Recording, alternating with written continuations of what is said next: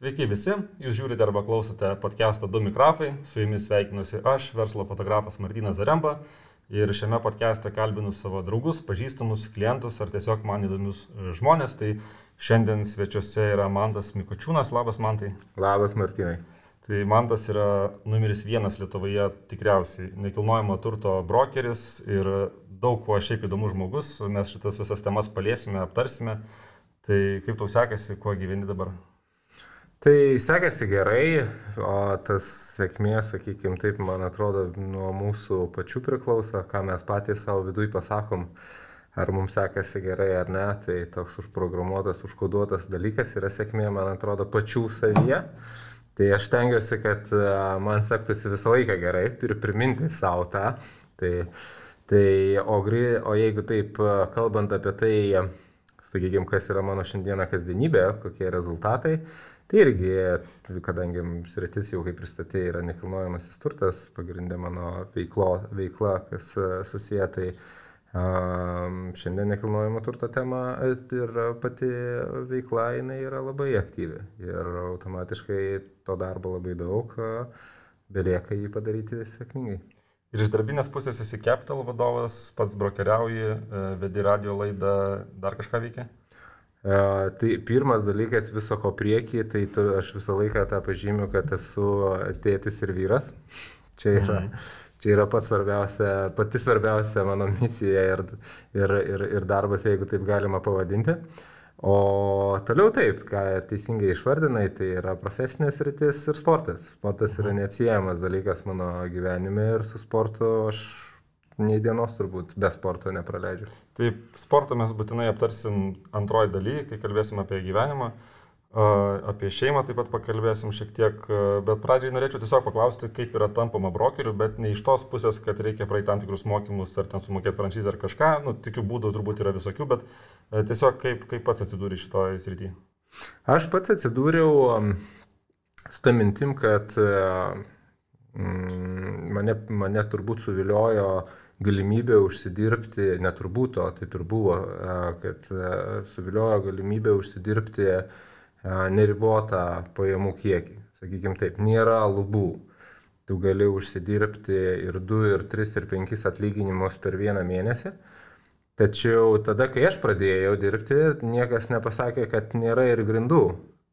Ir kad tai yra iš principo tas pats verslas, kaip ir bet kuris kitas.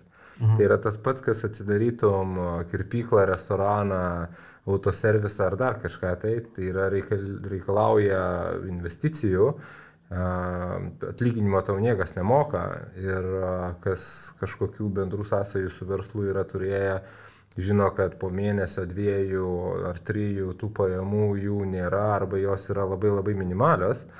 Tai, o gyventi tai reikia, Ir ypatingai jeigu esi pripratęs kažkokį turėjai gyvenim, pragyvenimo lygį, kažko tenka atsisakyti.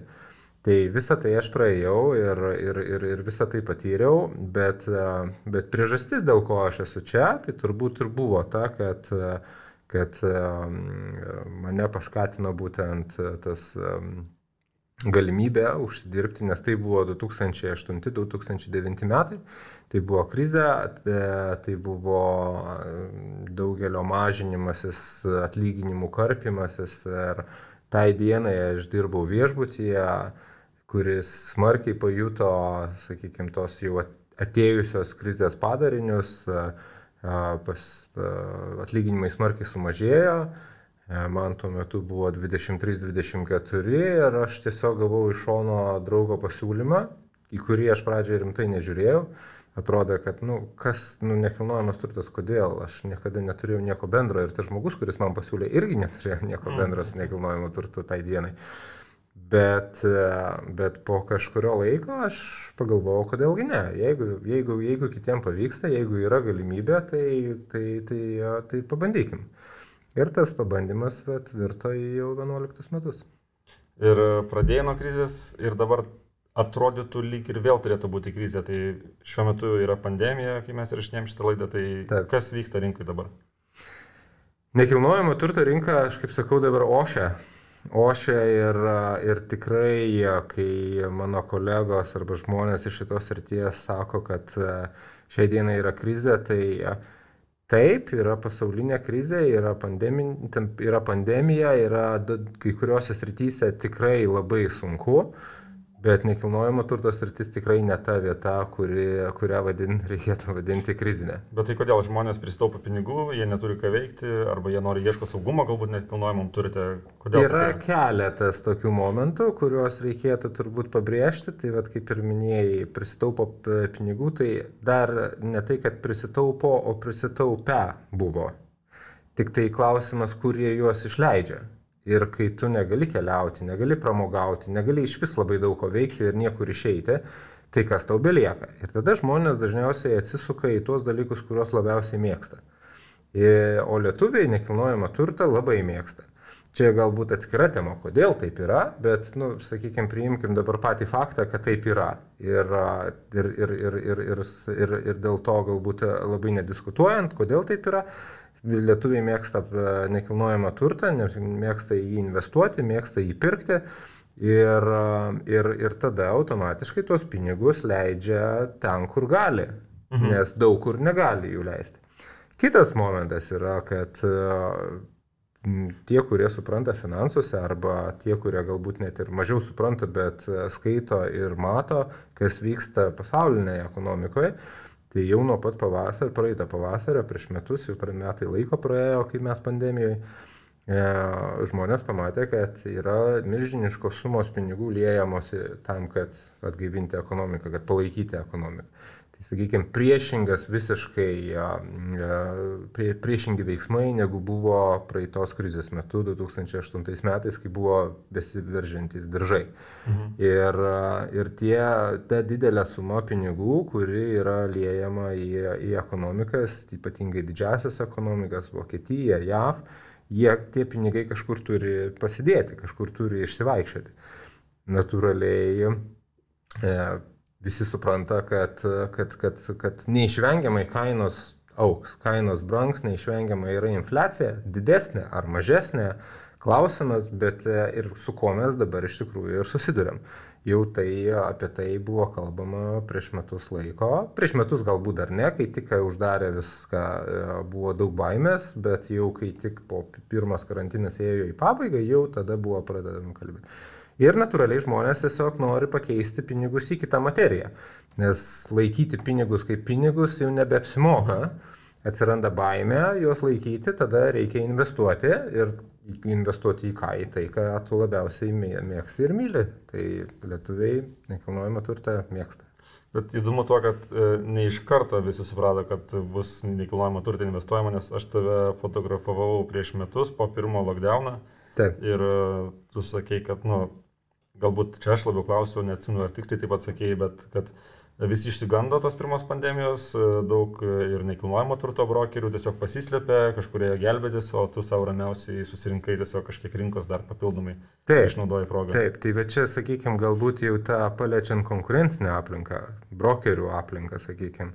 Tai tikrai per pirmą e, karantiną labai nemažai brokerių tiesiog pasiemė atostogas, e, užsidarė, nieko neveikė, laukė, kol praeis. Ir e, sandorių sumažėjo, bet jų sumažėjo, sakykime taip, jeigu iš 100, sandorių, 100 procentų sandorių liko 50 procentų sandorių, tai aktyvi, iš aktyviai dirbančių brokerių iš 100 procentų liko 20 procentų turbūt. Tai tie 20 procentų brokerių pasiemė mhm. tos 50 procentų sandorių. Tai Tai va tas, sakykime, aktyviai ir gerai dirbantiem, tas, tas manau, kad e, gavosi priešingas rezultatas. Vietoj, vietoj to, kad sum, vietoj sumažėjusių pajamų e, atsitiko taip, kad jos padidėjo. Tai šitoje vietoje tau turbūt e, budrumo padėjo paskatinti tai, kad pradėjai per krizę ir tai netaip bijojai šitos, nes turbūt jaunesni ten, tarkim, 25 metų asmenys galėjo ir išsigasti, sakykime, mane. Taip, tai nemažai kam iš tikrųjų tai yra pirmoji krizė ir apskritai ta pati krizės forma jinai yra turbūt pirmoji tokia, taip, kur, kur, kur, o jeigu ir buvo, tai buvo prieš šimtą metų, kai, kai siautė ispaniškas gripas, kur, kur, kur, kur ne, nebėra, nebėra tokių ant žemės šiai dienai, mm. kurie, kurie atsimintų, kaip tenai buvo, sakykime. Tai, tai tas taip, išgazino nemažai ką, bet aš manau, kad nu, tas dar toksai globalus mąstymas, matymas, sakykime, domėjimasis, nes, nesikliovimas gandais kažkokiais ir, ir, ir, ir tai, ką kaimynas pasakys, tai čia turbūt labiausiai galbūt padėjo išlikti tokiam blaiviam sveikam protui. Mhm. Ir e, grįžkim vėl į dabartį, kai jau vis dėlto ta rinka būmina. Aš savo aplinkoje turiu irgi nemažai žmonių, kurie investuoja šiuo metu į nekilnojamą turtą arba neseniai ieškojo ir kažką gero rasti nėra taip jau paprasta, kad ir straipsniai buvo, ten mačiau, kad būtų sperka kaip kažtas bandelės ir uh, Ar nėra dabar puikus metas, jeigu kažkas turi kažkokį užsistovėjusi nevertingą, tarkim, nekilnojamą turtą, gal kokį nors tenais bobutės e, lūšną kažkur užsilikusią, kad dabar pats geriausias metas stumti tą nekokybišką arba ne, ne iki galo gerą nekilnojamą turto objektą, nes tiesiog nėra iš ko pirkti ir galbūt tas blogas nekilnojamas turtas šiandien yra labai geras ir vertingas. Ką, ką tu manai apie tai? E, atvirai tai aš labai dažnai vat, e, sulaukiu tokių, sakykime, ir klausimų, ir, ir pasiūlymų. Ir, ir, ir, ir nelabai jų mėgstu, jeigu taip sąžiningai, mhm. nes man tai kvepia tokiu manipuliavimu pirkėjais, kad, nu, vat, suraskime durnelį. Tokį, kuris, vat, iš to pasimetimo, kad nėra ką pirkti, tai gal nupirks mano ten kažkokį prastą, blogą daiktą. Tai, bet tai ne faktas, kad reikia dabar jo nepardavinėti. Viskas tvarkoja, jį galima parduoti, kaip ir bet kada galima buvo parduoti. Tik tai čia vėlgi mes turbūt grįšim prie to, vat, kaip ir minėjai, tavo pažįstamų, kurie sako, nerandu ką pirkti. O kai tu pradedi gilintis, ko jisai ieško, tai jisai dažniausiai, nu, ką nors gero ir nebrangaus. Tai dažniausiai tai gaunasi ir ta vat, kažkokia tai lūšnelė jam tikrai netiks. Mhm. Tai e, tas, sakykime, tų tokių nelikvidžių daiktų galimybė dabar parduoti, Aš nemanau, kad tai yra tas momentas, kai yra geriausia, sakykime, ar, ar, ar blogiausias. Jeigu tai yra nelabai likvidus daiktas, jisai turbūt, kad sunkiai parsidavinės bet kada. Čia labiau galbūt yra ta terpė, kai yra galimybė užsikelti tą kainą iki kažkokios neadekvačios ribos, kur yra, kad žmogus iš nerandimo, ką nusipirkti rinkoje, tiesiog sugalvos, kad, e, nu, kadangi nėra ką rinktis, pasimes, mokės tiek, kiek, kiek reikia gal, ir permokės. Gal aš jau labai kraštutinumą nuėjau, mhm. bet e, ar nėra taip, kad galbūt kas nors, sakykime, parduoda senos statybos būtą, tai gal dabar tiesiog galima kokiu tūkstančiu ir dviem jį brangiau parduoti, negu kad prieš metus laiko? Galima ir tūkstančiu ir dviem ir netgi daugiau, bet, e, bet vėlgi aš čia visą laiką sakau, kad, nu, turi būti kažkur tai kažkokia tai riba. Kažkoks sveikas protas turi tam sandoriui būti likęs, ne? Būtent. Nes mes galbūt galim kalbėti apie 10-15, nu, galbūt 20 procentų didesnę kainą, bet ne 50. Mhm, be abejo. Kartais man tai yra panašiau jau į, galima tiesiog nusispjauti ir sakyti, kad tai yra, nu, žmogus moka ir reiškia, jam reikia. Reiškia tokia rinka, bet, nu, iš tikrųjų ne, kartais tai yra žmonių apgaudinėjimas.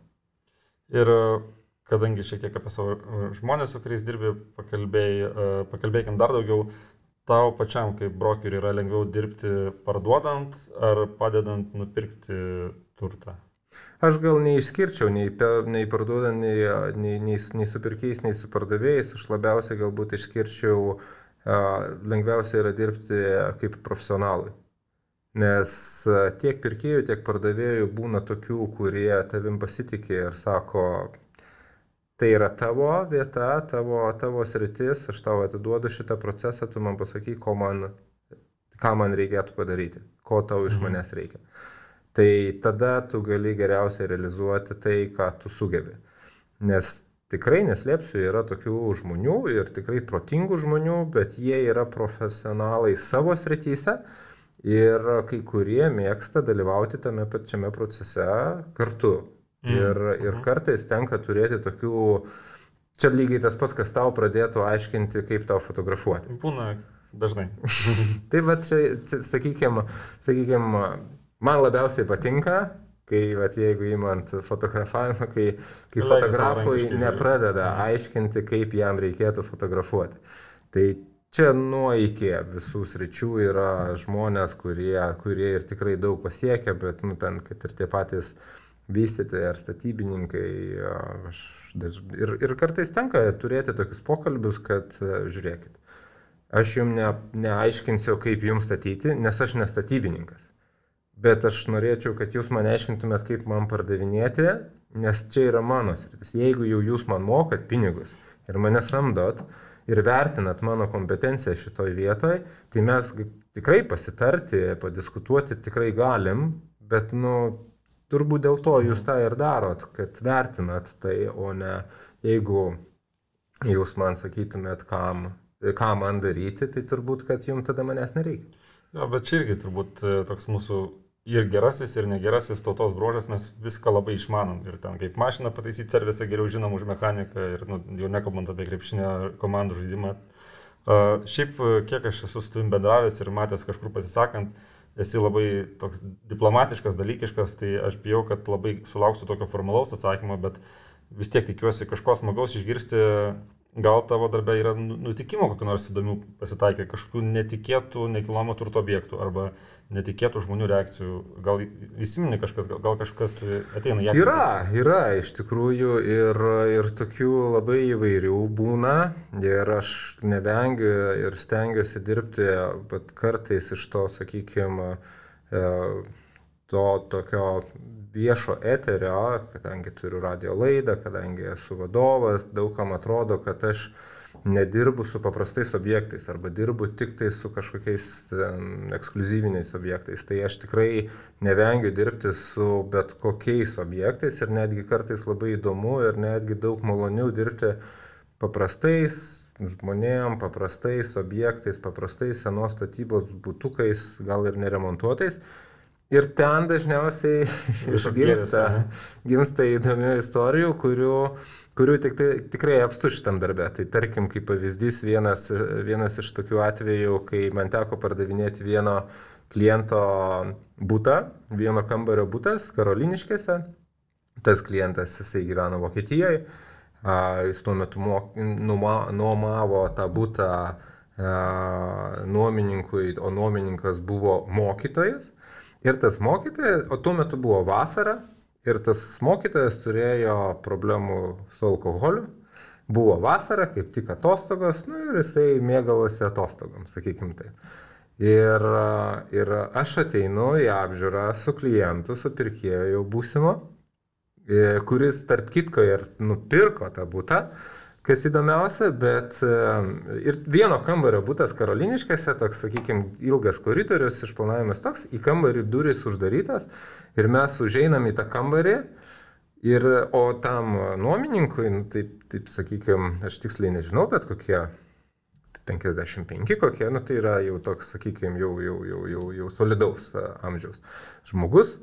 Ir, ir, ir atidarom duris, ten pro rūką prirūkytą tą kambarį. Esame matosi, kad ant sofkutės, ant lovos išskleistos guli moteriškė. Okay. E, moteriškė su kaldra neprisidengus, viskas ten akivaizdžiai matosi, moteriškė irgi ne 20, e, panašaus amžiaus tikėtina, kad kaip ir, kaip ir, kaip ir nuomininkui. Tai sakykime, vat, ir mes su tuo klientu stovim tam trapduryje ir matom va, tokį va, vaizdelį. Nu, tai taip, aišku, tuo metu toks lengvas šokas, pasimetimas, bet tu stengiasi priimti tą natūraliai, kad, nu, tai... Gyvenimas tiesiog. Toks gyvenimas. Taip jau yra. Tai, tai, tai, tai tas, sakykime, nes labai nuo to priklauso ir kitų elgesys. Nes visi dažniausiai žiūri į tave tuo metu, nes tu vis tiek kontroliuoji visą procesą. Jeigu tu pradėt pasimestum, tai tikėtina ir tas pirkėjas pasimestų, ir tas pardavėjas pasimestų. Bet aš lyg niekur nieko, praėjau per tą kambarį, atidariau balkoną, sakau, va, jeigu norit, galite išeiti. Toliau mes toliau apžiūrėjom, kaip, kaip, kaip čia nieko nebūtų, pasivaikščiojom e, ir šitą, ir, ir, ir jisai, kas, sakau, keščiausia, netgi tas žmogus ir nupirko tą būtą. Bet turbūt svarbiausia tokia situacija nepasimesti, jeigu ten būtum staigiai uždaręs duris, tai pačia, oi, palaukit biškelį, tai būtų žmogus gal pasimetęs pats tas apži apžiūrėta. Jo, ir paskui labai smagiai ten po visko, labai smagiai iš to pasijokėm tiesiog ir... ir, ir paskui ta moteris informatus išvirė, nesėdėjo virtuvėlį visi. Ne, tarp kitko, tos moters daugiau jau nebe, nebematėm. Ten turbūt buvo e, vakaro viešne tiesiog. Kartu.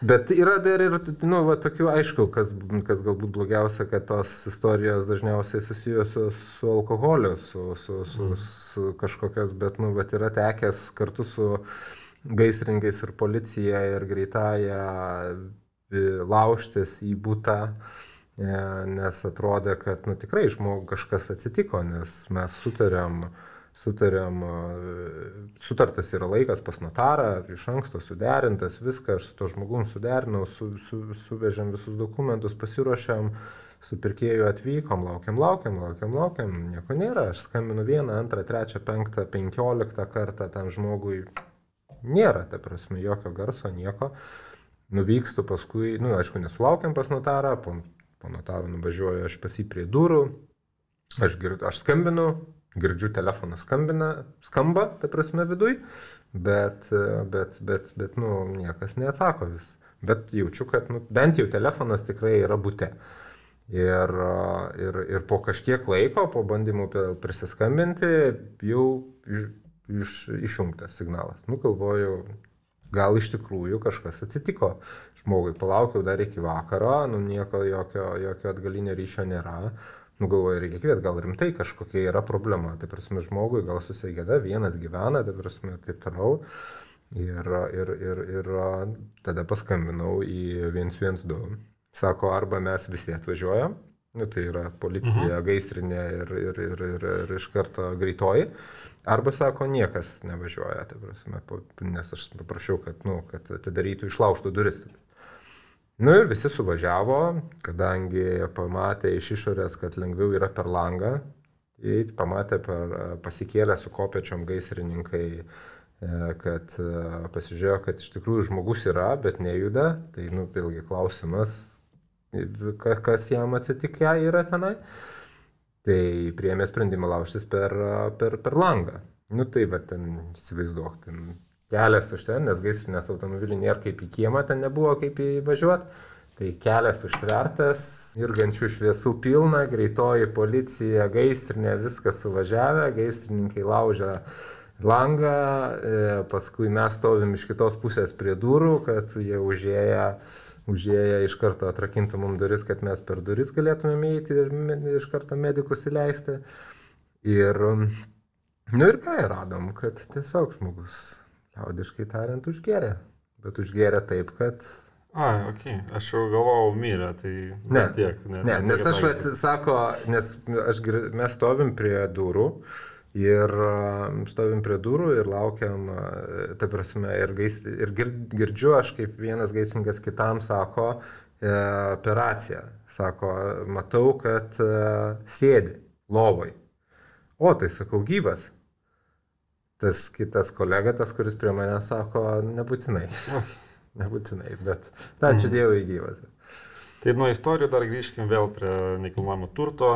Apie investavimą dar noriu šiek tiek pakalbėti. E, kur dar žmonės be paprastų būtų investuoja? Galbūt perka kurortuose kažkokius būtus, gal sodybas, e, gal pajūry kažką.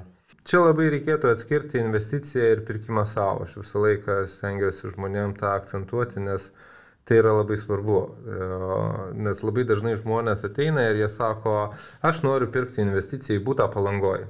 Gerai, valio, e, tada tu pradedi dėliotis kitus, sakykime, svarbius kriterijus. Tai yra ilgalaikiai nuomai, trumpalaikiai nuomai bus tenai ir taip ir ne, ne, sako, aš čia vat, nuvažiuosiu, galbūt tai palauksiu. Sakau, tada čia jau stop, stop, stop.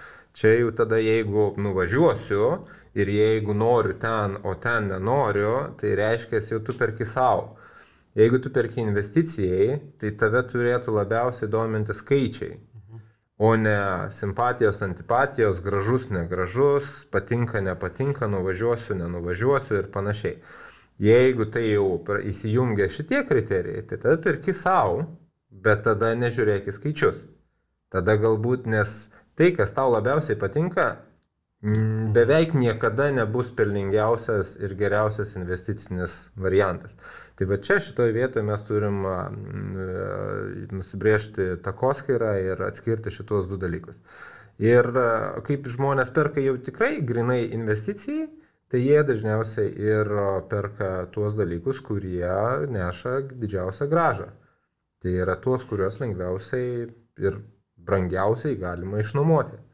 Jeigu perkasi savo, tada jau įvai, įvai, įvairūs variantai, sakykime, ir šiai dienai aš taip sakyčiau, tai yra du segmentai, kurie labiausiai auga, tai yra vidutinė klasė, vidutinės klasės nekilnojamasis turtas, nes anksčiau kažkada, tai sakykime, 14, 15, 16 metai labai, sakykime, augo daug ekonominės klasės, labai daug buvo periferijoje, mėgamosiuose rajonuose pristatyta projektų, dabar labai daug projektų yra, jeigu taip apie Vilniaus miestą kalbant, tai ypatingai aplink centrą, Kaune irgi lygiai taip pat toj pačio, tam pačiam pajūryje jau tenai kitas segmentas įsijungia ir ko lab, tikrai trūksta, e, to segmento jo net, sakyčiau, Lietuvoje net nelabai buvo. E, iki šiol tai yra tas ekstra premium klasė. Tai yra, jeigu mes turim ekonominį, vidutinį sektorių segmentą ir tą prestižinį, tą premium segmentą, ir tai aš dar išskirčiau tą tokį ekstra premium segmentą, kur net ne kaina esmė jau yra. Žmogui reikia tiesiog labai gero, labai faino, labai geroj vietoje daikto ir tokių, tokių sakyčiau, jų iki metai du atgal buvo itin mažai. Mhm. Ir, ir, ir, ir tie žmonės, kurie turi daug pinigų, o tokių tikrai yra, jie neturi ką pirkti. Tai va, vėl grįžtam prie to, kad nu, ir tiems, kurie turi pinigų, ir tiems, kurie neturi pinigų, žodžiu, niekas neturi ką pirkti. Bet čia, žinok, žanro klasika. Taip. Čia mhm. visą mhm. laiką tai buvo. Pirkėjai niekada neturi ką pirkti, o pardavėjai sako, kad aš niekur neskubu ir noriu, noriu daug daugiau, negu tas daiktas kainuoja tą dieną. Ir yra iš tokių mitų arba žanro klasikos, kada brokeris bando apgauti. Taip, tai čia, čia irgi. Čia irgi žanro klasika, kad visi brokeriai.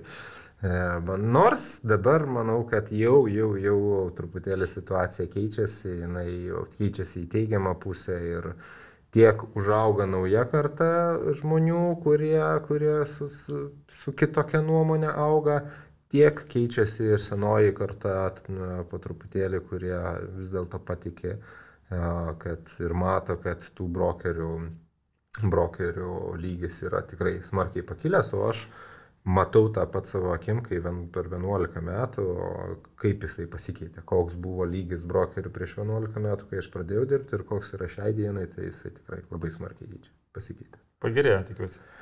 Tikrai taip. Ir aš irgi, nu, kadangi esu verslo fotografas, susiduriu daug su jūsų specialybės žmonėm, daug tokių žmonių sutinku ir irgi jaučiu, kaip e, visi bręsta, tobulėja ir tokie, ir tas rimtesnis požiūris ir iš žmonių, kurie perka būstus atsiranda, ir iš pačių brokerių, jie tokie mm, solidus ir, ir iš savęs rimti yra, nes anksčiau, čia vėlgi galbūt čia tiesiog irgi klišė, bet iš savo pusės nu, atrodydavo, kad žmogus nusipirko gerą kostiumą ir atėjo pavaizduoti, o dabar man atrodo, kad žmogus atėjo su geru kostiumu, nes gerų sandorių padarė ir užsidirbo tam kostiumui. Na, nu, aš tokį savo išvalgą turėčiau, tai čia gali sutikti, gali nesutikti, aišku. Ne, aš sutinku tikrai, nes pas mus ateina ir tos, į tos pačius darbo pokalbius ir, ir, ir tu matai, kaip tas pats žmogus, koks jisai atėjo ir koks jisai paskui tapo specialistas ir taip toliau. Tai tikrai aš manau, kad čia labai svarbu yra tai kad žmonės nori aukti, nori tobulėti ir dažnu atveju, ir tai yra labai atsakingas darbas, dažnu atveju, jeigu ten netgi kokiam nedideliam vystytojui nuo tavęs priklauso, tu esi jo verslo konsultantas, nuo tavęs priklauso, kaip jam sėkmingai seksis verslą daryti, nes ten prasideda viskas net nuo sklypo parinkimo, jau nekalbant apie tai, kad tu jam pasakai, ką statyti, kas šiai dienai yra perkama, subraižai išplanavimus, sudarai kainodarą, parenki visą marketingą, e, sudėlioji visą dokumentaciją ir taip toliau ir panašiai. Tai jis, kad, kad jam tik statyti reikėtų. Mm. Tai bet jeigu tai kažkurioje vietoje pridarysi klaidų, tai, tai jo verslas nebus pelningas ir, ir, ir, ir, ir automatiškai tada, jeigu jisai ne, ne, ne, nepelningai dirbs, automatiškai jisai bankrutuos, tada galbūt kažko nepabaigs daryti, tada nukentės pirkėjas. Tai atsakomybės yra tikrai labai daug ir aš matau, kad tikrai žmonės ateidami į šitą sritį, jie, jie tikrai jau jaučia ją, vertina tai ir, ir, ir, ir ačiū Dievui, kad ta kompetencija jinai labai smarkiai auga, nes prieš dešimt metų, jeigu vos keli buvo tokie tikrai rimti profesionalūs brokeriai visoje Lietuvoje, tai šiai dienai manau, kad jau tokių yra kelios dešimtis, kuriuos tu galėtum pasakyti, bet jisai yra tikras profas savo srities.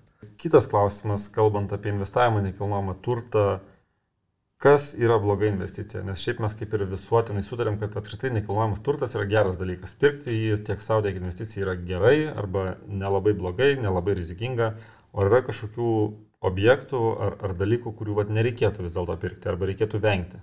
Čia gera ar bloga, aš palieku kiekvienam spręsti, nes visą laiką yra pagrindinis klausimas, ką tu darysi su tais pinigais, kokios alternatyvos. Laikyti po pagalbę Tai turbūt, kad uh, tikrai tada geriau investuoti į nekilnojamą turtą. Aš tik mm. užbėgsiu už akių truputėlį, mm -hmm. aš gal patikslinsiu klausimą, aš turiu minį, kad gali pirkti būtą, gali pirkti sodybą.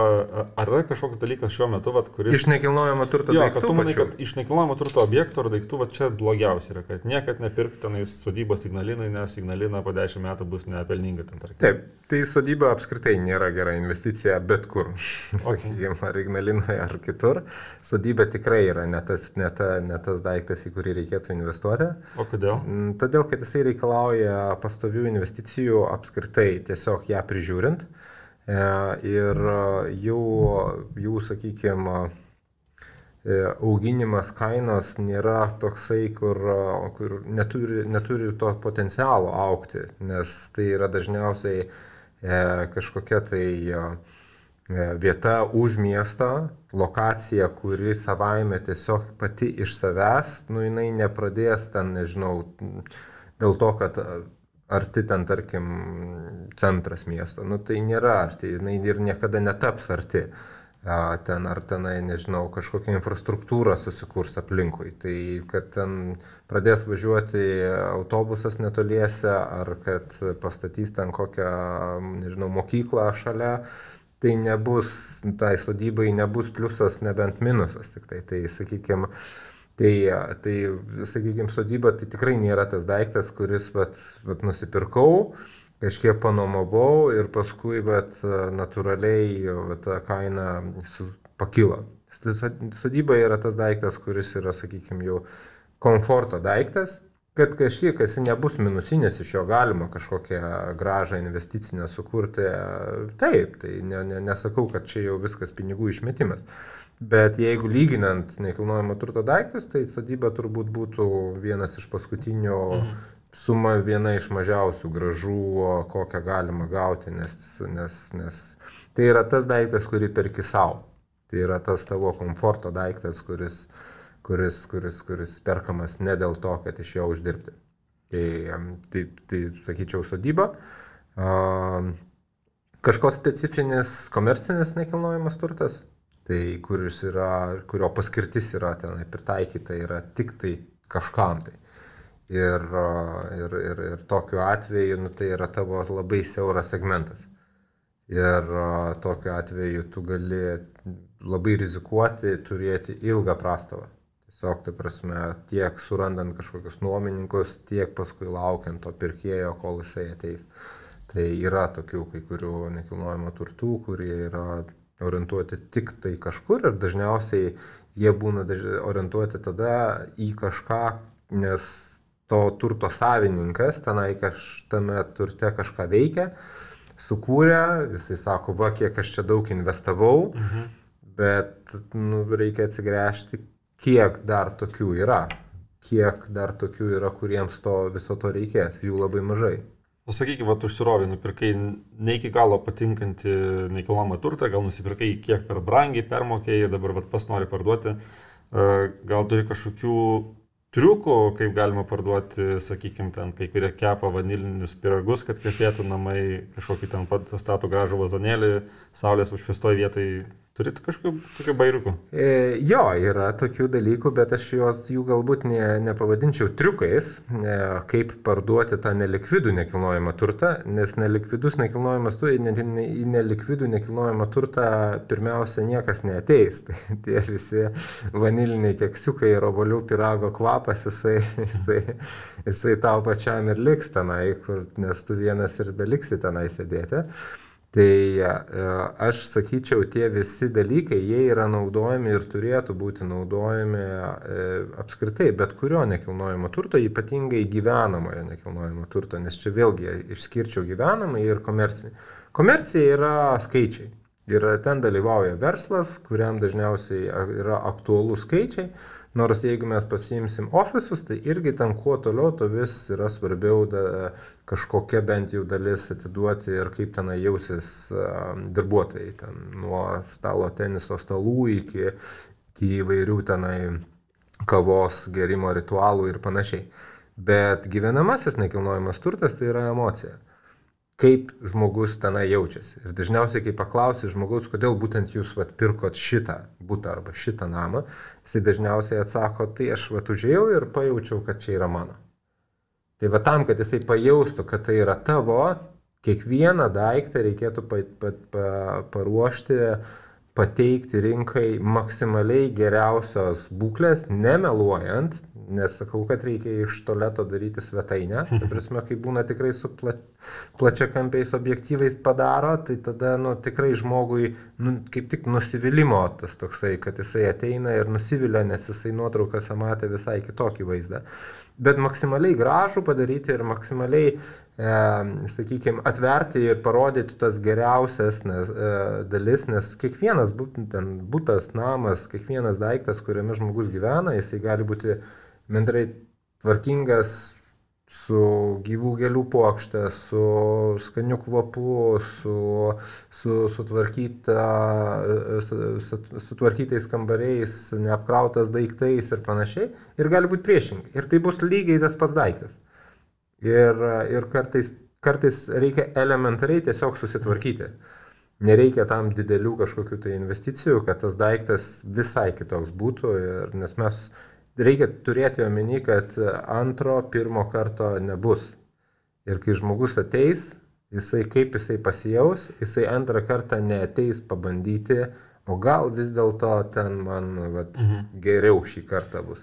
Man net beklausant tokia mintis kilo, gal visai vertėtų, jeigu žinai, kad kas pas tave ateina, ten pastokint Facebook'e, paieškot, kas čia toks ir pažiūrėt, kad, aha, mėgsta roko muziką ir ten kokį metalikos plokštelę per patefoną, bami jungi ir tas žmogus sakys, jie, yeah, jaučiu šitos namus, tikėtina, kad tai padės ar nelabai. Kad jisai, jo, galbūt, bet labai irgi nesuosmeninant ir nenueinant. Ir kartais netgi pagal gal, žmogaus tipažą e, tu matai, kas jam yra svarbu. Ir aš galbūt lab, per tai labiau eičiau, ta prasme, kad net ir nereikia iš anksto ruoštis, tu matai, ta prasme, kokio tipažo yra žmogus, kas jam yra svarbu ir, ir ko jam to apžiūros metu reikia. Vieniem labai daug reikia detalių, kiek, kokios šildymo sąskaitos, kiek čia už elektrą, kas kaimynai, kada darėt remontą, kokios firmos čia parketlentės ir taip toliau, jam viską detaliai reikia. O kitas skraidžioja, jam šimtas mhm. metų ten tos sąskaitas, jisai vaikšto, žiūri pro langą, jis Jis sako, palikit mane ten vos ne penkiom minutėm mėgamajam užsidariusi ir taip toliau. Yra tokių ir, ir labai svarbu yra pajausti ir nenusistatyti, kad vat, apžiūras darysiu va tai vat. Ir esant poreikiui, tu turi turėti galimybę jam atliepti jo lūkesčius. Mhm bet iš anksto kažkaip nusiteikti ir pasiruošti, kad ir pačio dar žmogaus neįstumti į nepatogią situaciją. Nes labai dažnu atveju čia naujokų dažna klaida yra, kad jie slankioja paskui tos žmonės. Ir jiem pasakoja, ten, va, žiūrėkit, čia yra spinta, čia yra skalbimo mašina, čia yra stalas ir žmogus, jis, nu, nekvailas, supranta, kaip atrodo skalbimo mašina ir jam nereikia sakyti, kad čia yra skalbimo mašina. Apžiūra, visa, aš visą laiką savo brokeriam tą akcentuoju, kad pagrindinis darbas yra iki apžiūros ir po apžiūros. Apžiūra yra apžiūra, apžiūri žmogus. Tad dėl to dažniausiai aš išprašau pačius pardavėjus iš namų, kad, kad, kad nebūtų asmeniškumo kažkokio. Nes jeigu jam nepatiks pardavėjas pats kaip mhm. žmogus, nežinau, dėl kažkokių bruožų, dėl tono, dėl dar kažko, tai jam automatiškai nepatiks ir būtas. Būtas tai nieko, jisai nekaltas dėl to. Tai bet, jis turi turėti progą susipažinti su būtu taip, kaip jisai nori. Tai manau, kad pakankamai pakalbėjom apie nekilnojamo turto pasirinkimus, investavimą, dar šiek tiek tokių lengvesnių klausimų. Uh, yra YouTube'ai toksai bičiukas Ryan Serhant, mm -hmm. uh, vienas toks. Aš buvau su juo susitikęs. Tai va, norėjau paklausti, kaip, kaip tu susitikai ir kaip tas, kaip tas praėjo. Tai aš buvau uh, vienam iš jo, vienoje iš jo atvirų durų dienoj, renginiai tokiam, kuris pristatė naują savo projektą. Tai tas, sakykime, susitikimas nebuvo vienas, vienas su vienu ir, sakykime, mes ten nesėdėjom ir nešnekėjom apie verslą. A, tai labai, labai trumpas ten pokalbis, nes ten gal tam renginė, nežinau, ten 7-800 žmonių buvo. A, visi jie brokeriai, nes ten specialiai buvo tas renginys brokeriam skirtas. A, tai, bet, bet, bet nu, jo, jisai jau yra ta, tame lygmenyje, kai jisai pats tiesiogiai su nekilnojimu turtu labai mažą santykį turi. Jisai, sakykime, daro šau ne visi tie dalykai būtų priimtini Lietuvoje, nes lietuviai yra daug, daug, daug, daug mažiau linkę, sakykime, tos dalykus, tokie, kurie daug labiau susikaustę galbūt ir negu Amerikoje. Amerikoje tie žmonės, jie laisvesni yra, tie, tie dalykai jo veikia, bet, bet tikrai yra nemažai tokių dalykų, kurie veikia ir, ir, ir Lietuvoje, ir tenka tuos pritaikyti dalykus ir va tuos pačius, apie kuriuos mes kalbėjom, ten, nežinau, kvapoja emocija. Uh, muzikos fonas, vat, pavyzdžiui, aš tą vat, pradėjau taikyti, vat, būtent grįžęs iš po paskutinio karto iš Amerikos, paskutinį kartą buvau prieš du metus lygiai, vat, New York'e kaip tik vat, tada, kai ir susitikom su Serkantu, kai at, mm, muzikinis fonas pas juos beveik visą laiką kiekvienoje apžiūroje. Ir jiem galbūt tenai net per mokymus, kai kuriuos jau tenai įskiepita yra, nes kai kurie jau jie net nesupranta pagrindo, jie ten kai kurie užvara ten tos muzikos, ten garsiai jinai groja, kur tu negali susišnekėti su žmogum. Tai matosi jiem pasakyti, jung muziką įsijungia, bet kokia to viso to prasme jis gal net nepagalvoja. Tai sakykime, pas mus tas visiškai nebuvo taikoma. Nes tikrai kartais yra tos tokios nejaukios, nemalonios tylos, ta prasme, kur, kur čia kaip čia jaustis ir, Ir, ir kai kurie, bet kai kurie bando tą pritemti, kad tu čia galbūt bandai paslėpti kažkokius ten triukšmą už lango, nežinau, dar kažką, tai mhm. tenai prastą garso izolaciją, bet dėl to reikia atsargiai, labai tokią neutralią e, muziką, foną ir labai negarsiai, kad taip tik tai mhm. kažkur, va, truputį, kad nesukeltum kažkokių ir blogų mm. įtarimų ir kaip tas Ryanas, apie kurį mes šnekam, gal ne visi žiūrovai jį žino, bet, žodžiu, paieškokit, aš aprašymę paliksiu jo vardą pavardę, galėsite pažiūrėti jo video, jie įdomus yra ne tik tai tiems, kurie su nekilnojimu turtu dirba, man pačiam visą laiką tiesiog įdomu ją paklausyti, toks geras pramoginis turinys ir įkvepia ir savo veiklai, gerų patarimų duoda. Uh, tu ir pas irgi visokių video pasidarai, daug komunikuoji, netgi turi savo radio laidą, žinių radiją, teisingai? Taip. Kaip tas atsirado, kiek jau laiko tą darai, o įdomiausia yra, ką tas laidos vedimas tau pačiam davė? Tai vyksta jau daugiau, pati laida, tai jinai jau daugiau negu pusę metų. Ir jos atsiradimas buvo toks, kad pat pirmo karantino metu žinių radijas pasikvietė mane kaip svečią. Aš atvykau į vieną iš laidų, pakalbėti apie nekilnojimą į turtą ir gimė tokia mintis, kad gimė tokia tema, E, sakykime, užkulsiuose, kad e, apie nekilnojamą į turtą tokios kaip tam laidos apskritai nėra nei televizijoje, nei radijoje ir, ir, ir, ir, ir kodėlgi jos tokios nepadarius. Nemažai mes diskutavom, kalbėjom ir tas užtruko iki rudens ir vat, nuo rugsėjo pirmos e, mes ir startavom.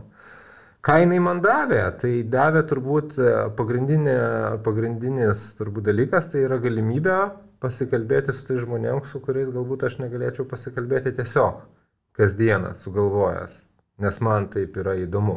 Mhm. Tai, tai yra tikrai tokių asmenybių, kurie, kuriuos pakalbinti, sakykime, man pačiam labai yra įdomu ir la, radio laidos pagalba e, aš turiu tą galimybę pasikviesti ir, ir, ir, ir juos pakalbinti.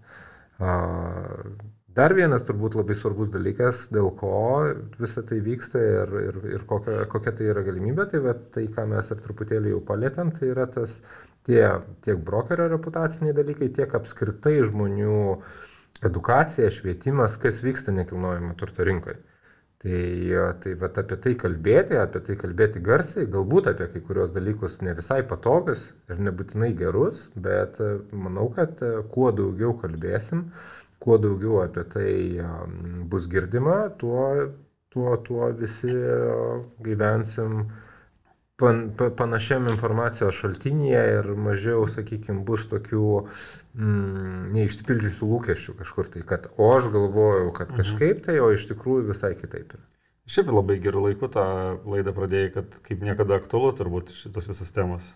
Aš manau, kad tai visą laiką aktualu, ir, ir, ir, bet dabar turbūt taip, tas mhm. aktualumas yra dar labiau padidėjęs. Ir pakalbėkime apie tavo gyvenimą asmeninį truputėlį, nuo ko prisistatymą pradėjai, kad esi vyras, tėvas, žodžiu, šeimos žmogus, tau tai yra svarbiausia, bet tu taip pat ir labai daug dirbi ir turi įvairių veiklų ir atsakomybę. Tai ar turi kažkokią taisyklę, kaip tu suderini, tarkim, šeima šiokiadieniais, o ten darbas savaitgaliais arba ten, nežinau, lyginės, nelyginės dienas?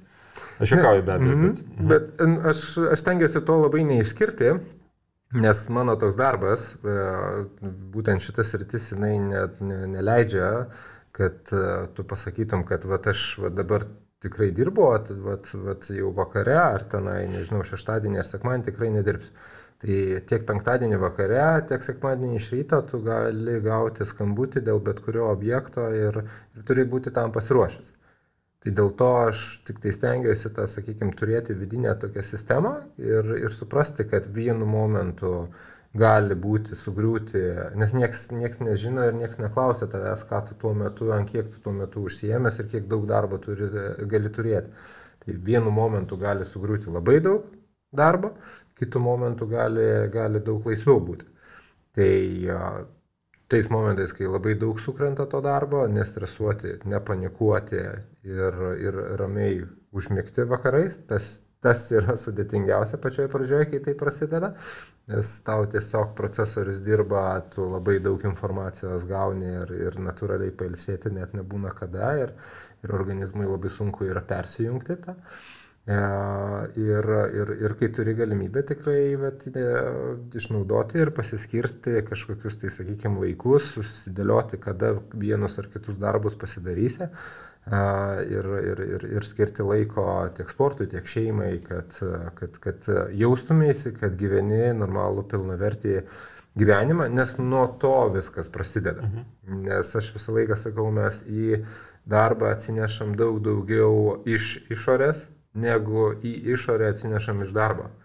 Aišku, tai yra dalykai, kurie vienas kitą papildo, bet jeigu tu jausies nelaimingas, ne, ne, ne, gyvenantis ne, ne, ne, ne taip, kaip nori, tai ir tas pats tavo darbas, jisai bus nepilnavertiškas, nekokybiškas, tu ne, o ypatingai darbo, dirbant su klientais, Jeigu tu, klientas tą labai greitai pajaučia. Jeigu tu nespinduliuoji gerą energiją, jeigu tu pats iš savęs nesijauti patenkintas tuo, ką tu darai, automatiškai klientas labai greitai pajaus. Tai labai svarbu yra susidėlioti tą, tą pusę, kad tu jaustumėsi, kad tikrai pilnavertiškai gyveni, taip kaip tu nori, o, o tada jau automatiškai tą pasitenkinimą gyvenimo atsinešė, atsinešė ir į darbą ir tie visi procesai, jie žymiai lengviau ir žymiai greičiau einasi, negu būtų, jeigu, jeigu ten būtum nesusidėlioję.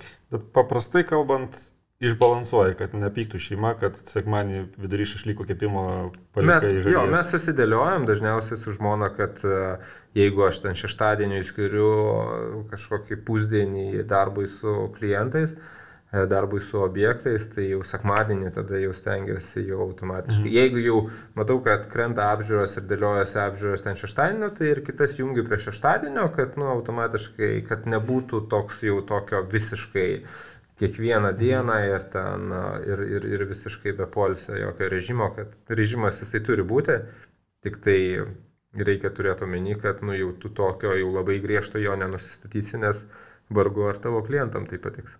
Ir paskutinis dalykas, kurį pasirašiau paklausti, tai esi buvęs krepšininkas, turbūt ir dabar galėtum kokį vieną kitą baudą pataikyti, ne?